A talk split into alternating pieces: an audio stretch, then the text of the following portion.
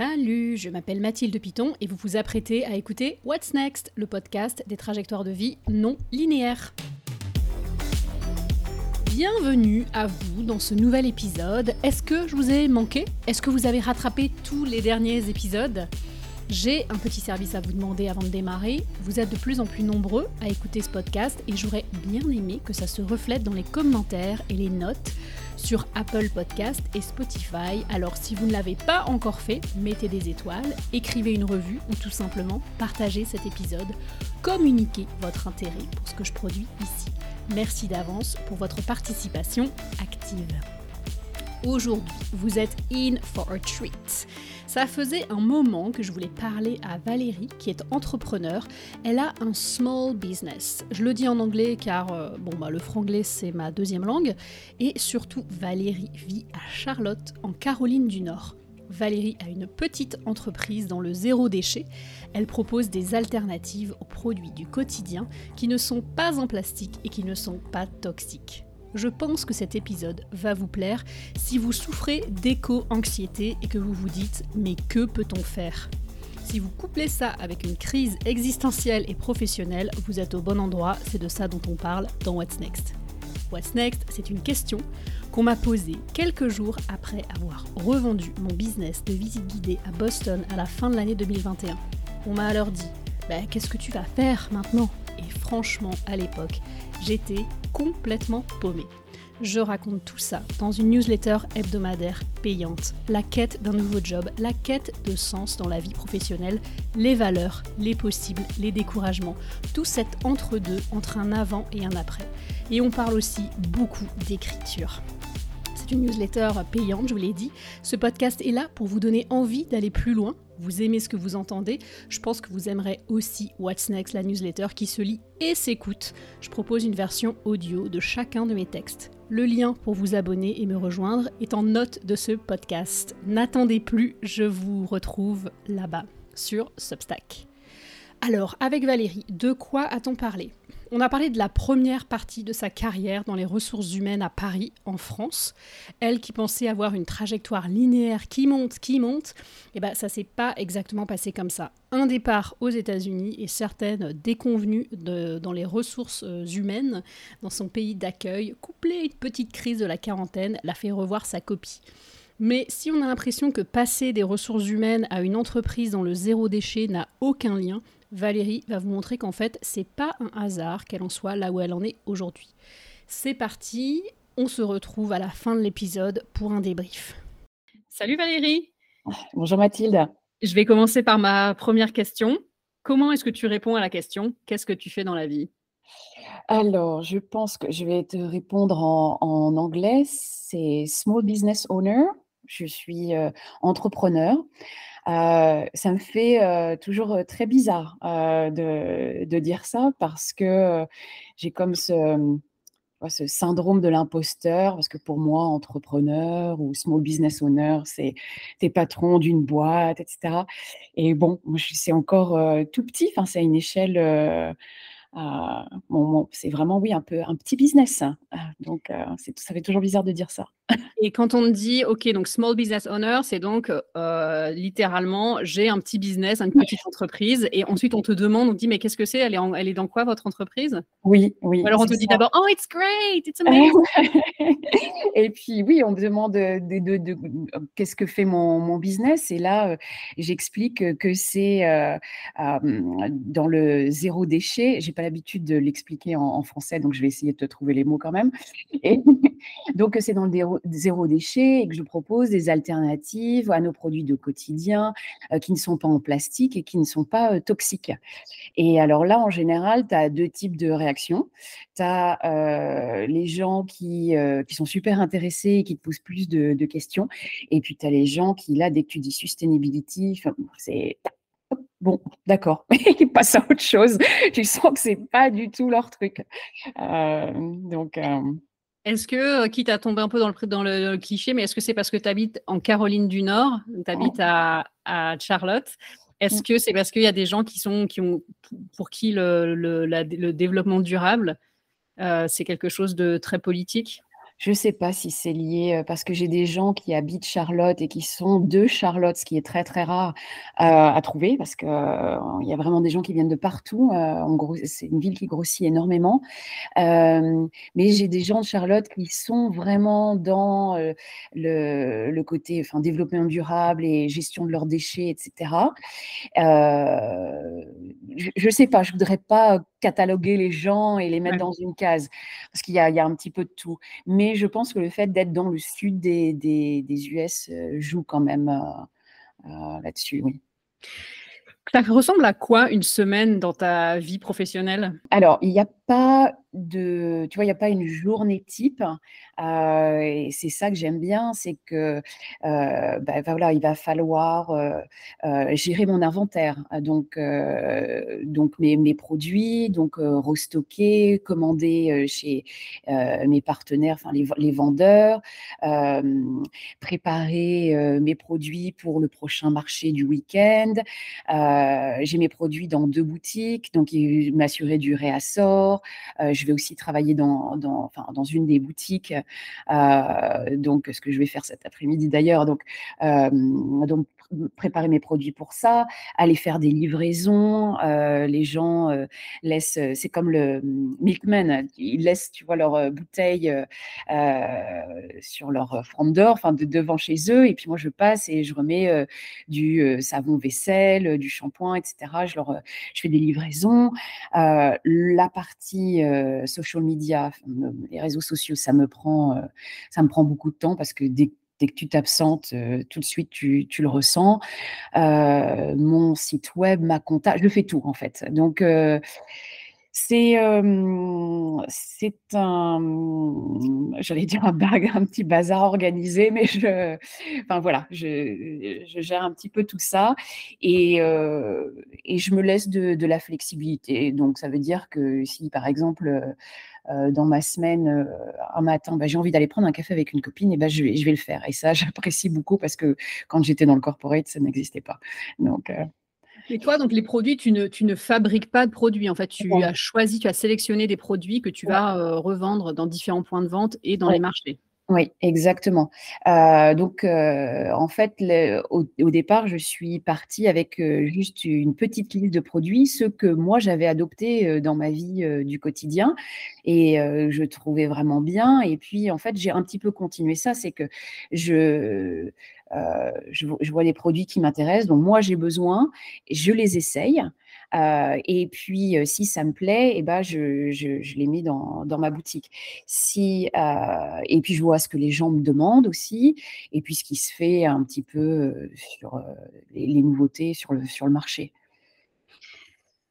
C'est pas. Est-ce que toi tu fais tout toute seule là-dedans? T'as pas de, quelqu'un qui fait ta compta ou t'as pas une. Non, j'ai quelqu'un qui. Ouais, il y a, y a, quelqu'un qui nous fait un, le, le, tax return à la fin de l'année, mais euh, je, je, fais, euh, je fais ma compta. Euh, bon, c'est sur Excel, mais j'adore les tableaux Excel.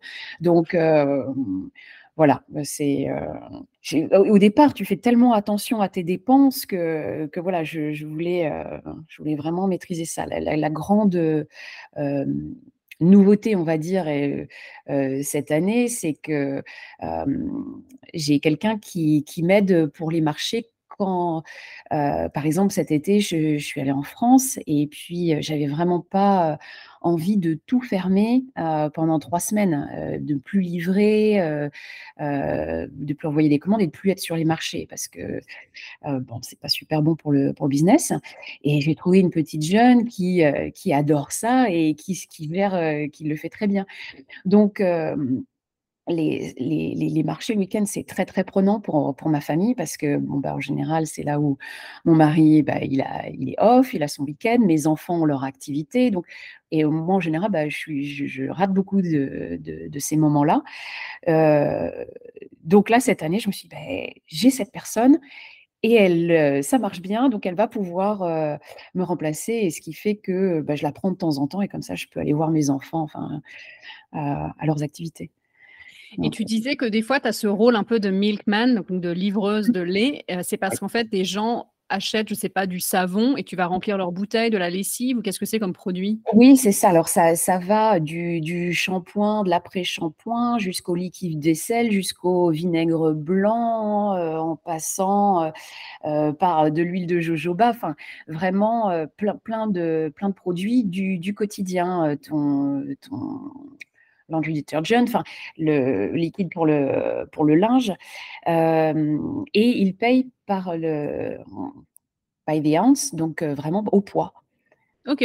Donc au autant qu'ils veulent, ça peut être une petite bouteille comme, ça peut être un gallon, c'est, Mais du ça, tu le fais du coup localement à Charlotte, j'imagine oui, oui. Oui.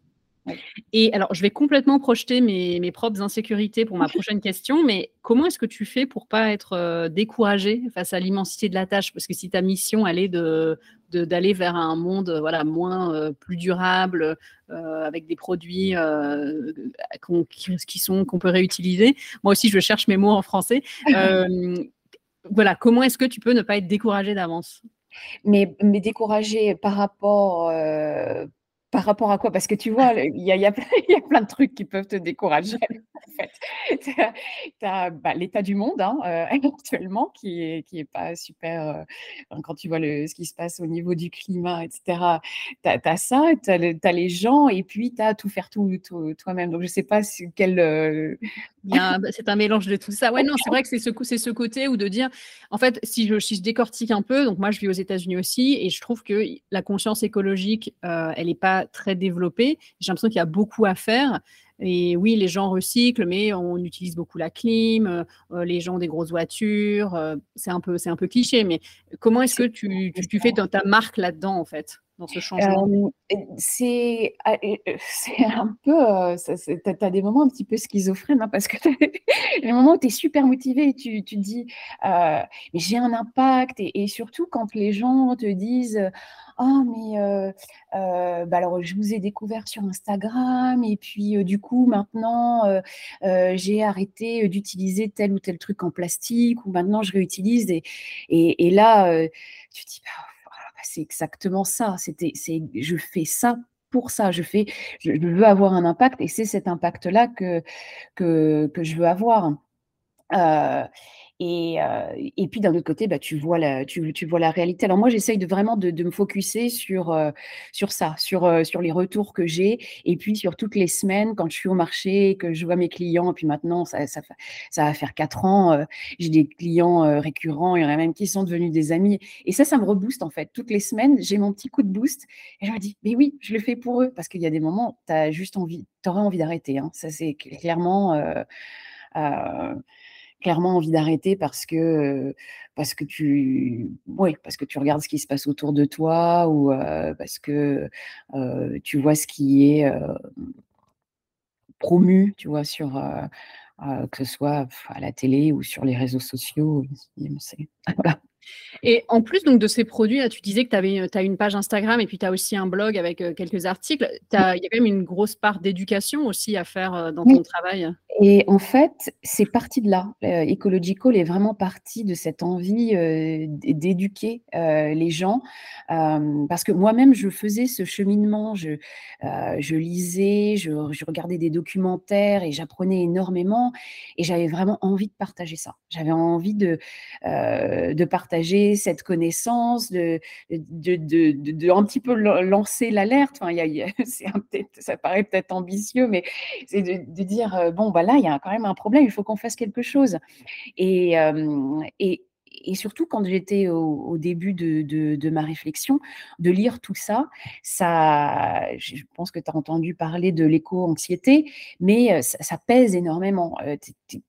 Tu tu demandes, de voilà, où où est-ce qu'on va? Est-ce qu'on n'est pas en train de foncer de droit dans le mur? Et tu te dis: «Bon, il y a un moment, il faut que je fasse quelque chose» et et c'est de de rentrer dans l'action, en fait, de qui qui te permet de sortir de cette, éco-anxiété donc je me suis dit: «Bah, voilà, je vais», la la 1 idée, c'était de de faire des workshops, des des des formations où les gens, heu heu, où j'expliquerai aux gens, bah, en fait, ce qu'on peut faire, des petites actions, très simples qu'on pouvait changer au quotidien, nos pratiques et puis, puis avoir un impact positif et pas pas seulement, que sur l'environnement, mais ce que je trouve que les personnes ne ne voient pas forcément au premier abord, c'est notre santé d'abord. Heu, tous ces produits, chimiques et le plastique et cetera, enfin ça ça nous impacte nous et l'environnement. Bah, c'est pas que, il faut sauver la planète, c'est je pense qu'il faut se sauver, nous aussi. Parce que la planète, elle elle ira très bien, de toute façon. Elle s'en remettra, tu Elle s'en penses? remettra, elle s'en remettra, elle s'est remise de bien pire. Tu l'as un peu, tu l'as un peu hinté, tu l'as un peu laissé deviner, mais en fait, tu n'as pas toujours fait, tu n'as pas toujours travaillé sur, Ecological. Tu, heu, tu as d'abord travaillé 18 ans dans les ressources humaines, heu, Mmh. avant de partir aux États-Unis et tu me disais en arrivant aux États-Unis. Est-ce qu'on peut, heu, revenir sur ce sur ton parcours et revenir en arrière vraiment? Est-ce que tu peux me dire quel a été ton tout 1er job? Ah, mon, tout 1er job, c'était recruteuse dans une start-up à Paris. En fait, je je me destinais pas forcément à être dans dans les ressources humaines, en tout cas au départ, je voulais être prof. Hem et heu, j'ai fait des études d'économie et je voulais être prof d'économie. J'avais enfin au lycée, j'avais une super prof de sciences éco et voilà, je voulais de devenir prof de sciences économie, donc je suis allée à l'université, j'ai fait mes, sciences économiques et sociales. Et puis, je voulais même devenir maître de conférences, hein, c'était parti, et puis on m'a découragée, enfin mes parents m'ont complètement découragée de de de devenir prof, heu, dans le sens où, heu, pour eux, l'enseignement c'était enfin, il fallait vraiment, c'était la discipline autour des enfants plus que plus que d'éduquer et que j'avais pas le caractère pour ça. Enfin bon, tu vois? Comme, ce que les parents peuvent te dire, quand quand tu es jeune et et donc du coup, bon, j'ai entendu ça et puis surtout, maître de conférence, moi je suis originaire de Normandie, heu et à cette époque-là, je tu vois, je vivais Normandie, je voyais Normandie, je me voyais pas, heu, sortir de la Normandie. Donc heu et les les postes de maître de conférence, de toute façon, il y en avait pas de disponibles avant des années parce qu'ils avaient renouvelé toute l'équipe. Bon bref, donc du coup, en maîtrise, j'ai commencé à regarder ce que je pouvais faire d'autre, même un petit peu, même avant. Et je pense qu'un jour, je suis tombée sur un reportage,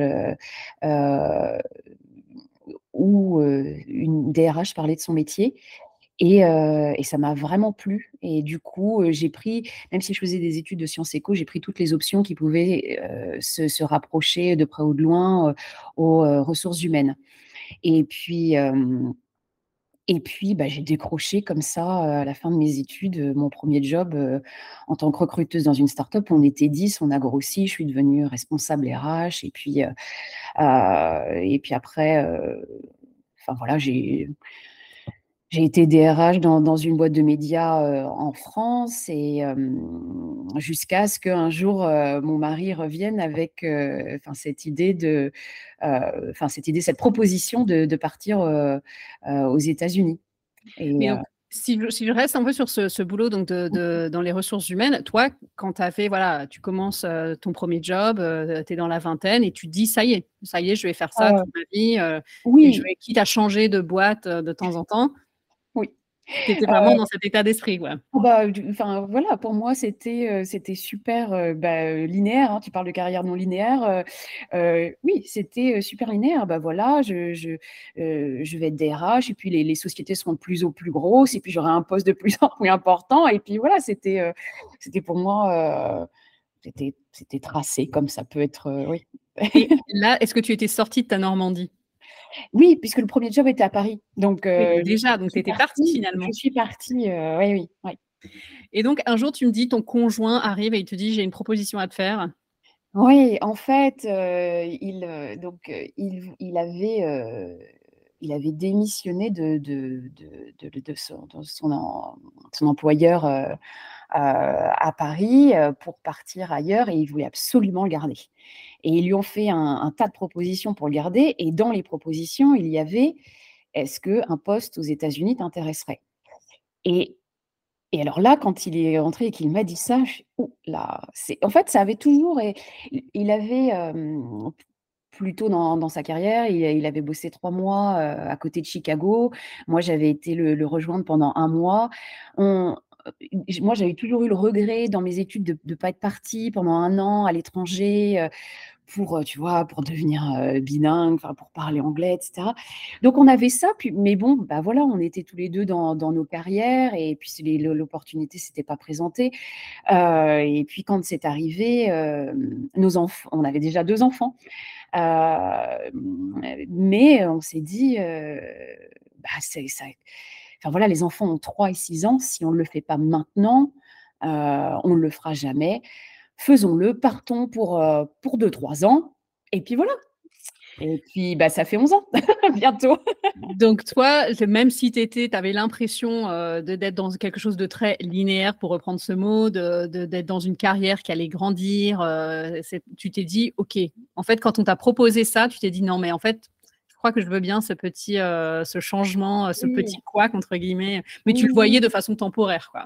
Mais je le voyais de façon temporaire et puis je le voyais aussi comme euh, ajouter encore une ligne sur mon CV en me disant bah, je vais continuer ma carrière aux US et puis quand je reviendrai, et eh ben, j'aurai ce profil France, États-Unis, ça sera que mieux.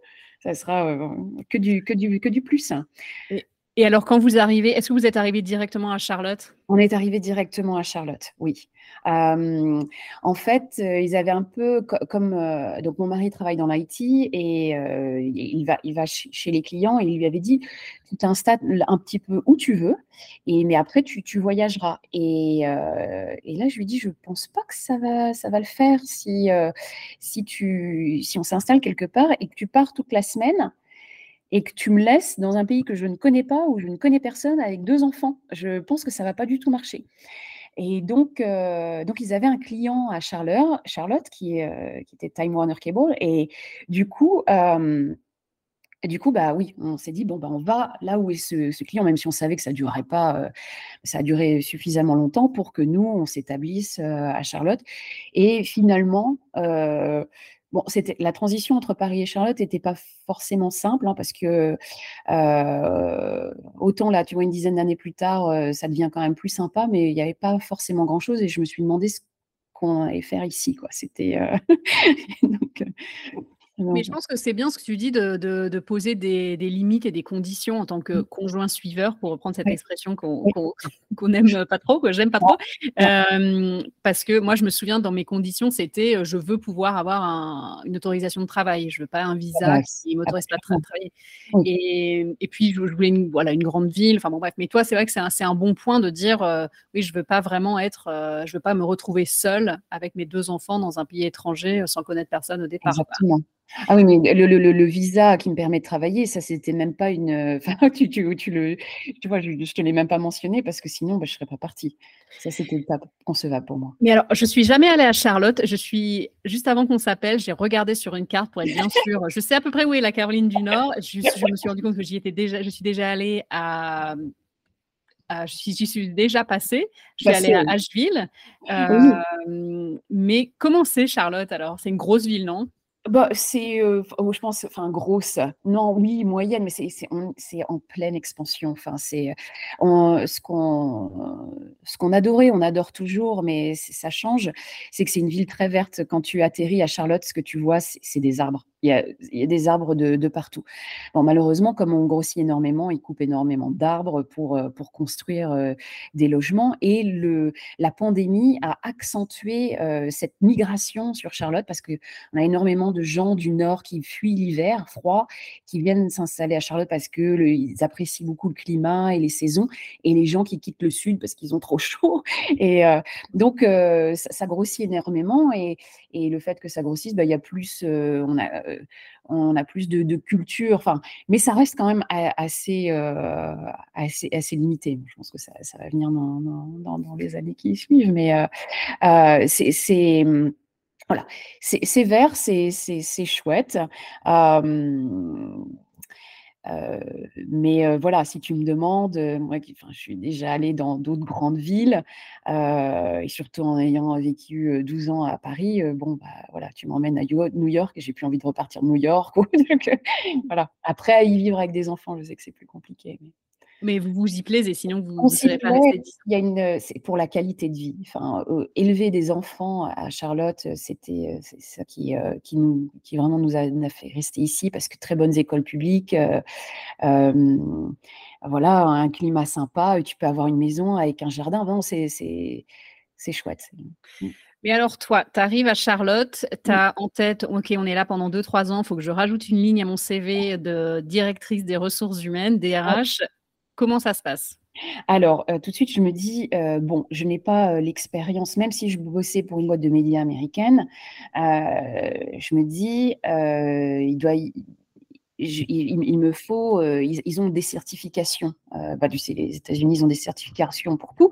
Donc, je vais passer une première certification et puis, et, et puis après, l'année suivante, je passe la senior, enfin la, deuxième certification. Donc là, je me dis, je, suis parée, etc. Et je commence ma, recherche d'emploi. Et, et là, c'est compliqué en fait, parce que bah, soit je suis surqualifiée, parce qu'ils voient DRH en France, et ou alors bah, je ne les intéresse pas parce que je n'ai pas d'expérience aux États-Unis. Alors je commence par un, mmh, c'est même pas un stage, mais je prends un job où je suis même pas payée, quoi, pour vraiment pouvoir dire, bah, si, voilà, je, je, travaille dans les ressources humaines aux États-Unis. Donc c'était compliqué. de, de, trouver du, travail. Et, ça, ça rajoute au, questionnement et de trouver ta place. C'est dur. Enfin, Et alors, comment t'es passé de ce questionnement et d'une parenthèse de 2-3 ans à Charlotte à ça fait 10 ans que j'y vis et j'ai une boîte? Alors, au bout de 2-3 ans, la question s'est posée. Est-ce que nous rentrons ou est-ce qu'on renouvelle le visa ou est-ce que est-ce qu'on reste? Et puis, en fait, le, le, temps passe très très vite. Et au bout de 2-3 ans, tu dis, mais on n'a quand même pas fait tout ça pour partir maintenant. La première année, tu la vois pas passer. La deuxième année, tu t'installes. la troisième, tu te revois voilà, tu dis non, pas tout ça pour ça. Donc, on s'est dit, on, va, on va renouveler le visa, puis on va rester un petit peu plus. Et puis, et puis finalement, on a acheté une maison, et puis on se, voilà, on se sentait bien. moi, j'avais décroché un, un, job RH qui était quand même plus ce, que, ce que plus proche de, mon expérience, sans que ce soit DRH, mais ce n'était pas non plus l'objectif, mais vraiment qui correspondait plus à mon profil. donc voilà, tout à une, une, époque, on va dire que... Bah, dans l'ordre. Voilà, tout rentrait dans l'ordre. Et ce premier job qui était du coup plus un, qui était un job payé, ça te convenait dans une entreprise américaine? Et alors, voilà, après, oui et, non en fait, parce que je me suis rendu compte que les RH aux US, c'est quand même très, enfin pour moi en tout cas, de mon expérience, c'était très différent de ce que j'avais vécu en France. Et et j'ai pas vraiment aimé et pas adhéré à certaines pratiques. Et mais tu peux me donner un exemple? Parce que moi j'ai des exemples en tête du de, enfin via l'expérience de, mon conjoint Manu à Boston, lui de ses de sa propre opinion sur les ressources humaines. Mais qu'est-ce que c'est en fait les pratiques Il y, a vraiment le mmh, je, pense qu'ils ont un petit peu retour, retiré le côté euh, humain de Human Resources. Pour, pour moi, il est pas. C'est euh, euh, on, gère les, gens comme des pions et comme bah, forcément dans ce métier-là, tu es en charge bah, de d'accueillir les gens, enfin de les recruter, de les accueillir, etc. Mais aussi de la sortie et de l'exit. Et que, bah, je sais pas, mais dans mon parcours, ce qui fait qu'on m'a toujours, enfin, j'ai souvent eu cette mission. Ce métier, je le fais parce que j'aime les gens. Enfin, tu vois, je suis people personne. Donc, moi, le truc froidement, regarder les chiffres et dire celui-là, il me coûte tant et, et il s'en va, non. Et surtout, même le, fait de, licencier des gens ici, alors je sais qu'ils sont très habitués à rebondir euh, euh, beaucoup plus rapidement parce qu'en France, tu, si tu es licencié, tu le prends quand même, euh, tu prends quand même assez mal et tu sais pas comment, comment ça va se passer pour la, pour la suite. Ici, c'est ça que j'ai appris, c'est que bon, bah, ils prennent la nouvelle, mais ils ont presque l'habitude. Mais toi, en tant que RH venant de France, tu l'as pas. Et c'est surtout, tu, tu, tu sais que bah, ils vont pas toucher deux ans d'indemnité comme ils touchent en France avec leur salaire et puis qu'ils vont être couverts par les sécurités sociales. Il n'y a pas ce, ce net là, ce, ce filet de sécurité, ouais. Mmh. que qu'on a en France. Et donc, moi, ça, c'était, ça me rendait un petit peu, un petit peu malade. Mais ça, ça fait partie du job, hein, mais, mais c'est la façon dont les décisions sont prises. Euh, où ça, ouais, ça, ça te, c'est choquant. Et, et, tu vois, quand les gens te disent, mais comment vous pouvez travailler pour une société comme ça, sur d'autres, d'autres cas, tu réfléchis. tu, ça, ça te fait pas du bien, euh, personnellement. Alors, tu commences à te dire, est-ce que là, c'est à ce moment-là que tu te dis, euh, va falloir changer, je peux plus travailler dans ce contexte professionnel?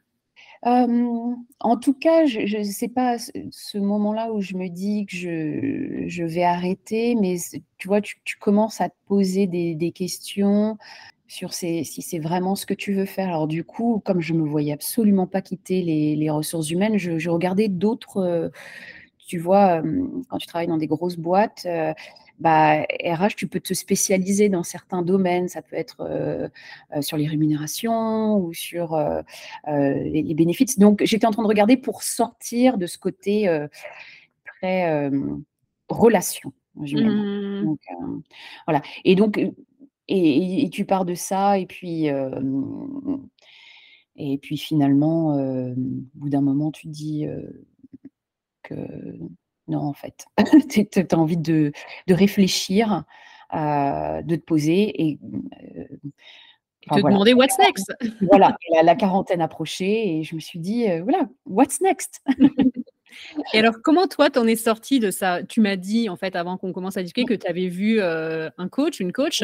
Est-ce que c'était ça, ça, a été assez rapidement Tu dis, OK, je vais voir quelqu'un pour m'aider, pour essayer de. Ah, je, me sentais vraiment perdue. Je savais plus. Euh, pour moi, j'ai l'impression que ça a été tellement dur de euh, d'obtenir un job euh, ici que je pouvais pas mettre tout ça à la poubelle. Enfin, toutes ces années d'expérience. Et puis, enfin, je savais plus. J'étais perdue et j'avais besoin de faire le point. Euh, et puis, bon, tout ça, ça prend du temps parce que bah, le coaching, ça coûte. Et euh, donc, du coup, de te dire, bah, il faut que j'investisse sur moi-même, il faut que je. Donc, tout, tout, ça, ça prend du temps. Enfin, c'est un, un, process, mais au bout d'un moment, je me suis dit, non, tu ne tu vas pas y arriver toute seule. Et, et du coup, oui, j'ai fait appel à une coach et on a, et on a travaillé ensemble et, et ça m'a permis de, bah, de tout posé à plat. Et, et je peux te demander comment tu as trouvé, c'était une femme, donc c'est comment tu as trouvé ta coach? Ah, C'est une bonne question. En fait, quand, avant de partir aux États-Unis, il y a un site qui s'appelle Femme Expat. et, et il est, vraiment bien, parce que moi, ça m'a permis de rentrer en contact avec des femmes qui étaient à Charlotte avant qu'on déménage et qui m'ont donné plein de petites, enfin plein d'infos sur les écoles et trucs comme ça, avant qu'on parte. Donc, je, continue à recevoir leur newsletter et je les ai contactés et puis. et puis voilà, ils m'ont mis en contact avec plusieurs coachs. Et, puis, puis voilà, après, c'est une question de feeling. Et puis, euh, on m'a souvent demandé en fait comment tu fais pour trouver une coach? effectivement, c'est un peu comme un psy, quoi. Tu as l'impression qu'il faut avoir un bon film, mais il faut déjà avoir, euh, faut déjà savoir où chercher, quoi. Et est-ce que toi, tu étais quelqu'un qui était euh, francophone? Ouais, en fait, je cherchais quelqu'un de francophone parce que je me disais que je pense que je pouvais m'exprimer plus Pleinement, enfin, je, tu vois, de, pouvoir, oui, vraiment m'exprimer avec mes mots. Et, en fait, euh, je voudrais que, je, ça m'échappe complètement, mais leurs leur coachs euh, sont des gens qui ont vécu à l'étranger. Donc, parce que je voulais cette composante aussi. Mmh. Euh, je voulais quelqu'un qui, puisse comprendre ce que, tu vois, cette expérience à, l'étranger. Mmh. Et avec cette coach, donc, tu commences à remettre un peu tout à plat ton expérience, euh, tes compétences, euh, tes aspirations, tes valeurs. Et ne me dis pas qu'elle t'a sorti, vous avez sorti ensemble une belle petite boîte et tu t'es dit, OK, ça va être une boîte dans l'environnement. oui, sur, sur l'environnement et l'éducation par enfin, tu vois? et pour moi, du coup, je ça ça faisait sens dans le sens où, je voulais être prof, en fait. Donc ouais, ça relie ça relie ça, ce qu'ils voulaient faire et je voulais être prof et donc éduquer les gens et faire des workshops sur, sur l'environnement, le zéro déchet. Je dis: «Mais ça ça» mais oui, tout à fait, ça finalement, il y a y a quand même une ligne, parce que tu as un peu l'impression, que tu sors ça de ton chapeau. Enfin, c'est très, difficile quand tu expliques, aux gens, que tout d'un coup, enfin, en tout cas, tu vois, rien que pour mes parents, il a quand même fallu avaler la pilule de «Quoi? Tu laisses ton job pour partir à l'aventure?» et puis puis puis toutes ces idées de, tu sais, de, de qui qui s'intéresse à l'environnement, en fait. Quand je quand tu parles des parents, c'est vrai qu'il y a aussi, je pense des différences générationnelles, de se dire aussi, qu'est-ce qui est un métier pour les gens, qu'est-ce qu'une carrière? Et la stabilité, ça a longtemps été une, valeur, oui. peut-être pas pour tout le monde, mais pour une certaine génération. Oui, et en fait, moi, ce que je vais essayer de, leur expliquer, c'est, euh, enfin, moi, comme, beaucoup de gens, hein, euh, on, dit euh, dans, les médias, tu entends beaucoup, ah, c'est les milléniums, c'est les, les, nouvelles générations, elles ont besoin de sens, etc. Et je pense qu'on a tous besoin d'avoir du sens dans notre travail. Et c'était, c'est ça qui est vraiment ressorti. c'était, je voulais avoir, enfin, mon métier ait du sens, que de, sentir que j'avais un impact, mmh et aussi, alors c'est un peu rigolo, mais de me donner de la flexibilité, parce que je travaillais vraiment beaucoup quand, bah, quand j'étais dans les RH corporate. c'était vraiment beaucoup, beaucoup d'heures. Enfin, aux États-Unis, hein, tu c'est pas, enfin voilà, avec tes deux semaines par an de, de vacances, ça c'est c'est dur, je trouve. C'est ce que tu disais de dire euh, que tu as la possibilité éventuellement d'aller prendre un café avec une oui, voilà, matin. Prendre un café. Après, ce que tu te rends, la chose dont tu te rends pas compte quand tu crées ton business, c'est que finalement, ça va, ça va te prendre euh, 80 heures par semaine, que finalement, c'est la même chose. Tu peux pas dire, bah, comme je te disais avant, avant qu'on démarre, tu peux pas partir pendant trois semaines en France et dire, bah, bah, il se passe plus rien. Je, je, ferme mon site, je, vais, je ne vais plus, je ne vends plus. Et puis, non. Donc, en fait, c'est une une certaine forme de flexibilité, mais voilà. Ouais, non, mais tu fais, c'est vrai que tu fais bien de le préciser, quoi. Mais il y a quand même un côté où quand tu travailles à ton compte, où tu te dis bon, je fais toutes ces heures et je fais tout ça, mais je le fais aussi, je le fais pour moi, je le fais pour mon entreprise, donc il y a peut-être un peu plus de motivation. Toi, ça fait cinq ans maintenant, six ans que tu as. Oh non, ça fait ça va faire que enfin que, c'est fait quatre ans.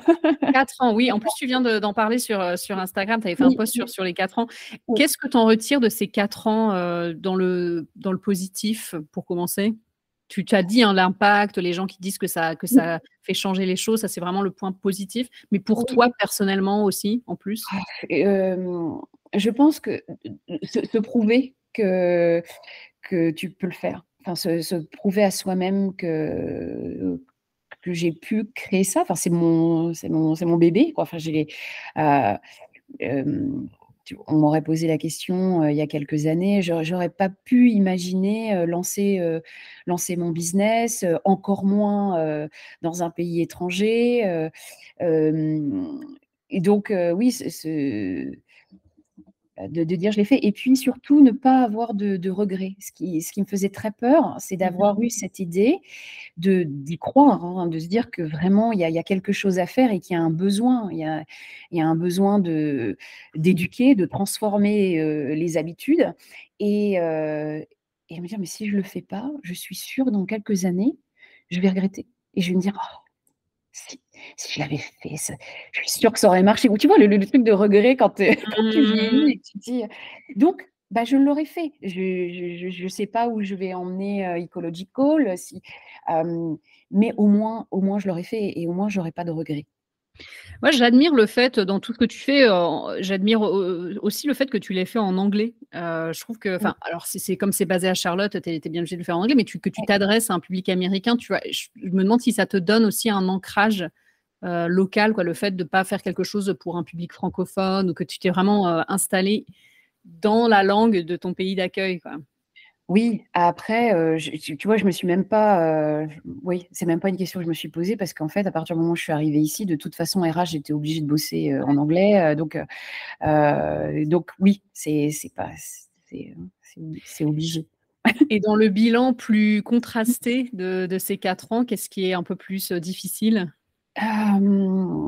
Ce qui est difficile, bah, tu vois, c'est en fait, tu te dis, ce que tu recherches en tout cas, c'est c'est la balance, vie pro, heu, vie personnelle et hem, donc oui, je suis plus dispo, bah, on va dire plutôt en semaine. En semaine, je suis assez je peux être assez flexible, par rapport, par rapport à mes enfants. Mais heu, bah, les week-ends, c'est là où je travaille, où je vais être sur des marchés, sur des événements et et et puis, heu et mon mari, il est il est super sympa parce qu'il veut pas que je je je porte tout ça, tout toutes les caisses et tout toute seule. Donc il m'aide, mais donc ça veut dire que lui, ça prend sur son week-end. Alors quand tu tu vois Mmh. l'alarme sonne à 05:30 samedi matin, c'est, voilà, c'est cette, cette balance et le fait que, bah, voilà, ton ton business, c'est comme je comme je disais, c'est ton bébé et tu y penses tout le temps. C'est tout le temps tu tu tu vis ton truc, ça ça te ça ne te lâche pas. Il y a pas, hem, il y a pas, voilà et tiens, il est 05:00 et hop, heu, tu éteins ton ordinateur et tu penses plus. Non, parce qu'il y a tellement de trucs à penser et puis, heu, hem, Tu penses, tu vis, tu manges, quoi. Oui. Tu sais, le ma coach, elle m'avait dit: «Ouais, on n'est pas son travail» et j'avais dit: «Mais Ouais. j'ai du mal à moi, j'ai Ouais. du mal à à ne pas faire, heu, Oui. l'association des 2, quoi». Oui, ouais, heu, ah oui, c'est oui, je suis complètement pareille. Mmh. Est-ce que tu as des anecdotes de marché, de clients qui t'ont dit des trucs bizarres ou rigolos ou non, je sais pas? Mmh, non, je je un truc qui me c'est qui me enfin rigolo maintenant parce que sur le coup, ça l'était moins.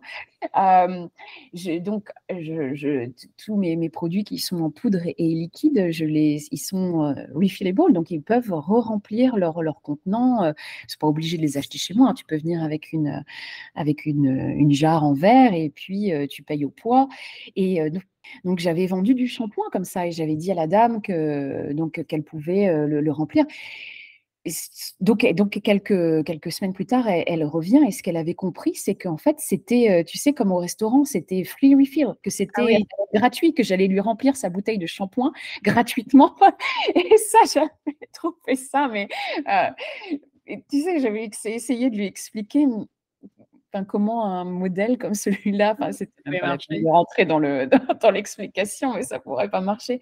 Donc ça, c'était, assez drôle et puis après, sur, heu, après, c'est les petits commentaires que que tu entends des gens, heu, quand ils passent, heu, devant, devant ton stand.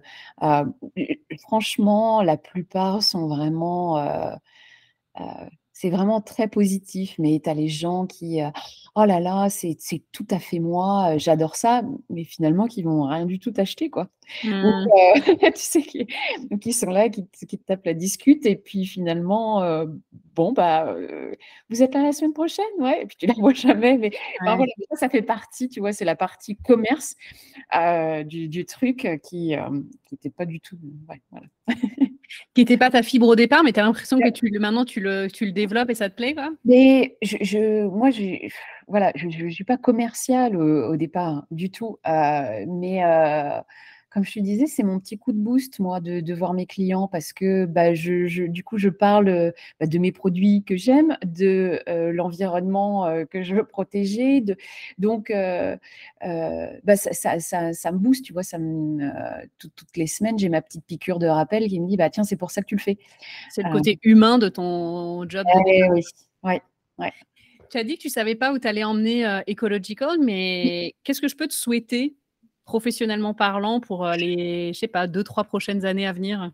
Bah, écoute, de continuer, probablement de grossir ce petit business, euh, que en tout cas dans, j'ai pas d'attente, folle, hein, mais que par exemple sur Charlotte ou même en Caroline du Nord, que ça soit, reconnu, enfin en tout cas une, une destination pour, pour les besoins de produits, sains, sans plastique, ouais, non toxiques. donc voilà, mais tu veux pas venir dans d'autres villes ou te faire racheter par Whole Foods, c'est pas ça? C'est très difficile parce que c'est une question que, que, tu dois te poser en, quand tu as, as, un business et dans ton business plan, c'est où tu veux emmener, etc. Et j'ai participé à, à, des, à des pitchs euh, où, tu, dois aller euh, parler de ton business. Euh, et, quand j'avais fait la préparation, bah, je pense en tant que Française, très raisonnable, tu, fais des projections sur, tes chiffres dans les cinq années à venir, mais voilà, de toi ce que tu penses être faisable. Bah, les, les, Américains, c'est pas du tout ça. Hein. Si, si, tu, si tu leur fais pas miroiter des millions, c'est, c'est, mais non, mais non, c'est, enfin voilà, qui, qui Dream big. oui, c'est ça. Qui ça, qui va être get excited, qui, qui ça va euh, excité, c'est pas c'est pas le même la même connotation en français, mais mais c'est difficile de, de, traduire ça. Mais voilà, qui, qui ça va intéresser si tu vois pas voilà gros dans, dans, les venir. Et voilà, moi je pense que c'est un truc sur lequel je, je dois travailler, c'est voilà où je mais je trouve que c'est difficile quand tu es dans le, dans le travail quotidien euh, où tu as déjà ton travail à faire. Euh, voilà, toi, tu dis, tu as tes marchés, tu as euh, tes stocks et compagnie, tu as ton travail d'éducation par les réseaux sociaux, les blogs, les rencontres. Et en même temps, de, en plus de tout ça qui prend beaucoup de temps physique, de se dire, OK, où est-ce que je veux projeter, où est-ce que je projette mon business? C'est vachement dur de trouver le temps de faire ça, l'espace de faire ça. Oui. Oui. Et après, pour, pour certains, c'est, tu vois, c'est ben voilà, je vais ouvrir ma boutique et je vais avoir un magasin et peut-être deux et peut-être trois, etc. Et moi, je suis toujours sur, bon, déjà, c'est extrêmement cher.